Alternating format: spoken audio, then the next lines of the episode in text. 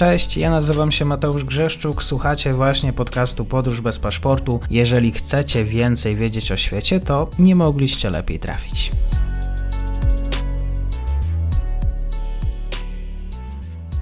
Partnerem odcinka jest Oanda, TMS Brokers, dom maklerski obecny na rynku już od ponad 20 lat. W opisie odcinka znajdziecie link do aplikacji, której możecie otworzyć konto maklerskie i grać na giełdzie, a wcześniej potrenować na koncie demonstracyjnym. Jeżeli otworzycie konto za pośrednictwem tego linku, dostaniecie na start książkę o tematyce inwestycyjnej. Zapraszam, Mateusz.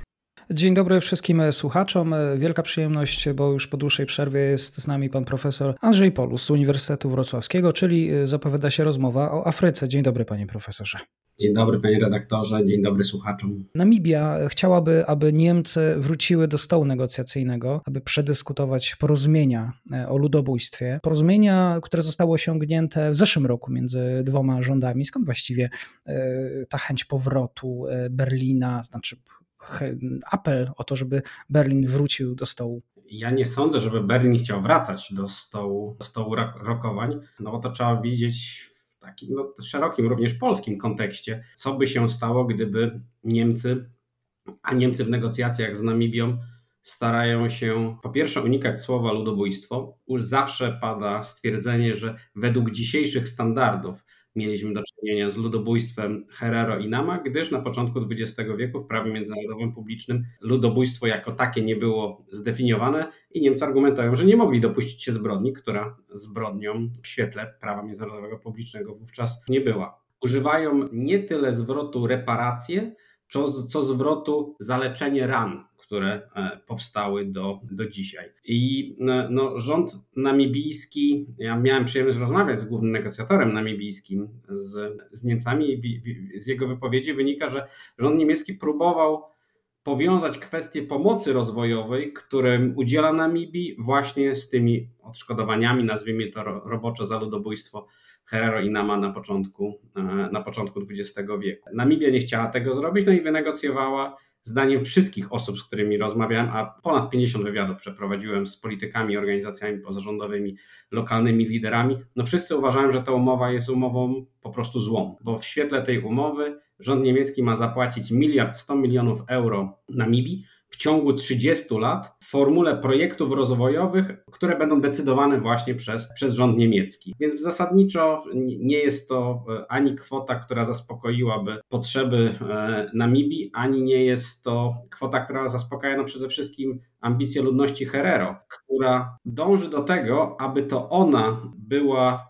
reprezentowana przed stołem przy stole negocjacyjnym. Herero są bardzo podzieleni, tam są trzy frakcje w ramach tej grupy etnicznej i jedna z nich rzeczywiście siedzi przy e, stole negocjacyjnym, ale większość Herero nie wspiera tej decyzji, natomiast rząd namibijski dąży do tego, żeby to było ludobójstwo Namibijczyków i żeby wokół tego zbudować narrację. No i to jest też niezwykle ciekawe z tego punktu widzenia, że w zasadzie ludobójstwo Herero, którzy byli najliczniejszą grupą etniczną w Namibii na początku XX wieku, doprowadziła do tego, że SWAPO, obecnie rządząca partia Namibią, która opiera się na Ochiwambo, zostało partią rządzącą. To jest partia etniczna, e, właśnie oparta na, na ludzie Ochiwambo. I Herero twierdzą, że gdyby nie doszło do aktu ludobójstwa, wówczas oni byliby najliczniejsi i oni Namibią by rządzili. I teraz partia rządząca no, próbuje ukraść niejako ludobójstwo ich i reprezentować ich, kiedy tak naprawdę takiego mandatu dla reprezentacji Herero nie ma. Na sami Herero nie potrafią teraz wybrać tak zwanego Paramount Chief,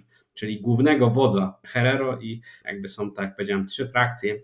Jedna z nich współpracuje z rządem, dwie się zupełnie na to, na to, na to nie zgadzają. No, tak jak powiedziałem, no to te korelacje pomiędzy Polską a Namibią też były widoczne podczas badań terenowych, bo padały twierdzenia takie, że rząd namibijski oddał rządowi niemieckiemu inicjatywę, podczas gdy rząd polski przyjął inną strategię, wystawiając po prostu rachunek, e, obliczając straty, straty wojenne. Namijczycy byli bardzo zainteresowani, jakiego algorytmu użyto w Polsce, wyliczając straty, które Polska poniosła w czasie, w czasie II wojny. Oni raczej wyszli najpierw z petycją, usiedli do stołu rokowań, no i taką umowę wynegocjowali, która jest e, niesatysfakcjonująca dla, dla Namibii. Panie profesorze, jak właściwie wspomina się ten czas pomiędzy 1884 a 1915 rokiem, również w historiografii namibijskiej, również przez samych Namibijczyków, tym co ląduje w podręcznikach szkolnych? No to jest, to jest bardzo dobre pytanie.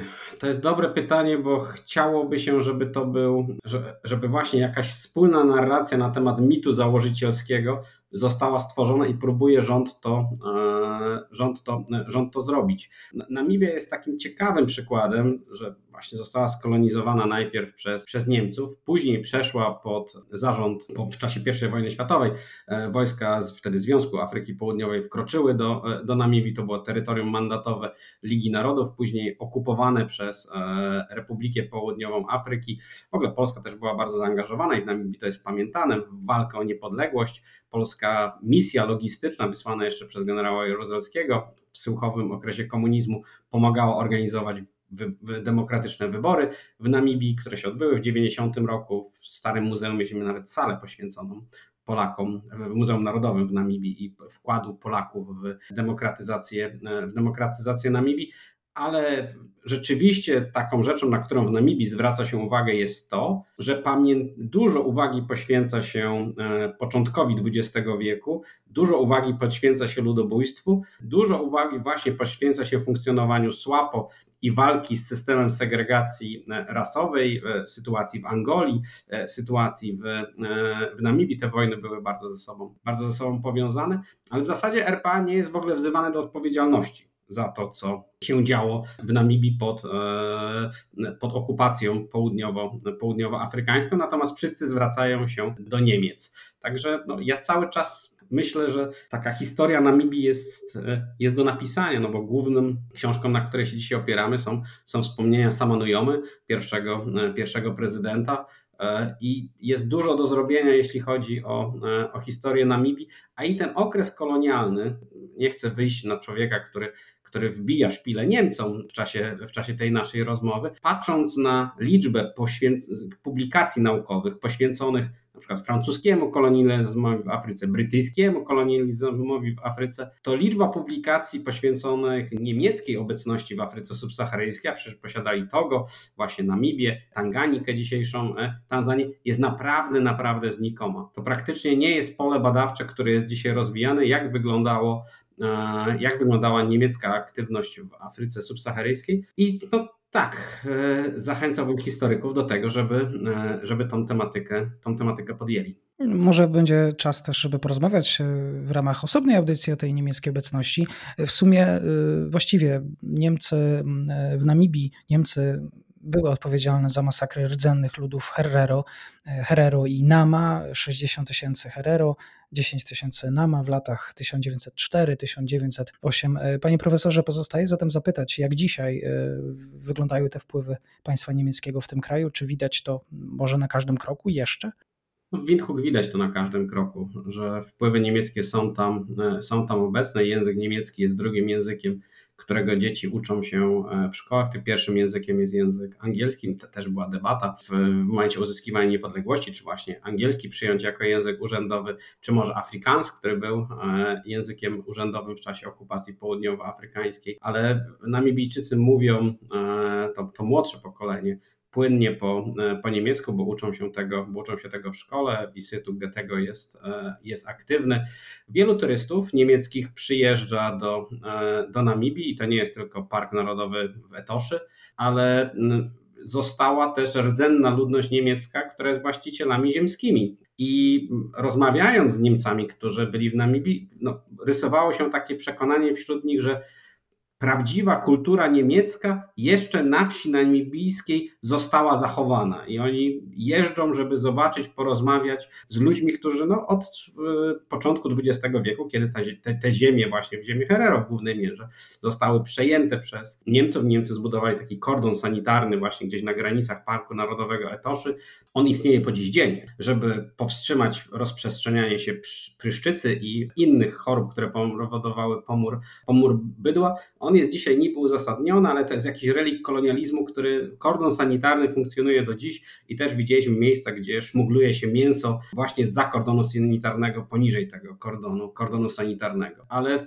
tak, wpływy niemieckie są widoczne. Są niemieckojęzyczne księgarnie w Windhuku. Pomnik Lotara von Trotty został ostatnio, kiedy byłem w Namibii, on jeszcze stał w centrum Windhuku, dzisiaj zastąpił go sam Nujoma i pomnik został schowany do fortu. Widać go tylko z góry Muzeum Narodowego i tak naprawdę nie wiadomo, co z nim zrobić, bo umowa mówi, że Niemcy mają go odebrać i przesłać z powrotem do Niemiec, ale nie wiadomo kiedy, nie wiadomo gdzie.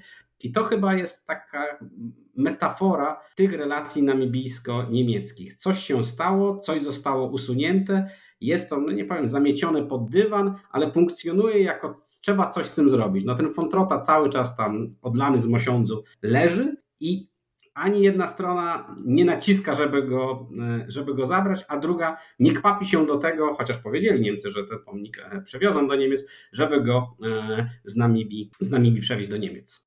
Tak jest. Dla słuchaczy oczywiście też, żeby było wiadomo, Lothar von Trotta, czyli pruski generał piechoty z Magdeburga generał, który wydał rozkaz ludobójstwa, tak? To jest ten generał, który powiedział, że każdy herero e, ma zostać, e, ma zostać po prostu zamordowany. Generał, który zebrał e, dziesiątki tysięcy ludzi na, na pustyni i je zagłodził, świadomi, że dostępu do wody tam, tam nie ma. No to Lothar von Trotha był symbolem, był symbolem ludobójstwa i ostatnio, kiedy byłem w Namibii, zadałem takie pytanie Herero, jak to możliwe, że nad Windhoek góruje pomnik Lotara von Trotty.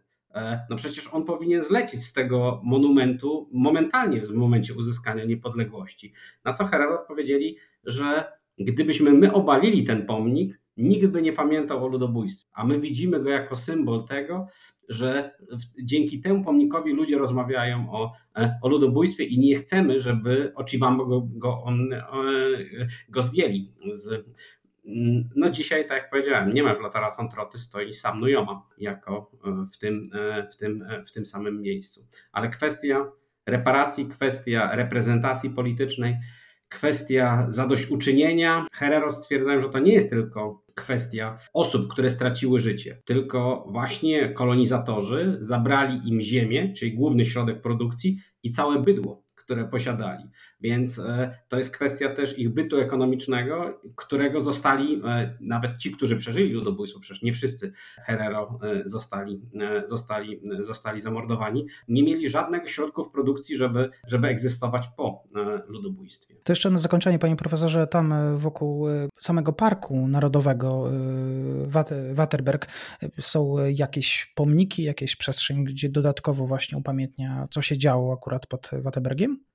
Wie pan co, nie wiem, jeśli mam być szczery, jak, e, jak, to, e, jak to wygląda. Na pewno w Zopark jest pomnik upamiętniający niemieckich żołnierzy, którzy polegli w czasie wojen, e, w czasie wojen kolonialnych i są wyryci tam z imienia i nazwiska ci, ci, ci polegli, a w Wapenbregu do, do Swakopamund nie, nie, nie, nie, nie dojechałem teraz. Tak jest, będzie okazja może jeszcze raz. E, tak informując, pan profesor stale prowadzi badania e, w Afryce, wyjazdy badawcze, więc również informacje z pierwszej ręki, to co się dzieje na kontynencie. Pan profesor Andrzej Polus, bardzo dziękuję. Dziękuję bardzo. I to już koniec na dzisiaj. Zapraszam na profil podcastu Podróż bez paszportu na Facebooku, Instagramie i Twitterze. Zachęcam też do wsparcia mojej pracy na serwisie Patronite oraz Buy Coffee. Do usłyszenia.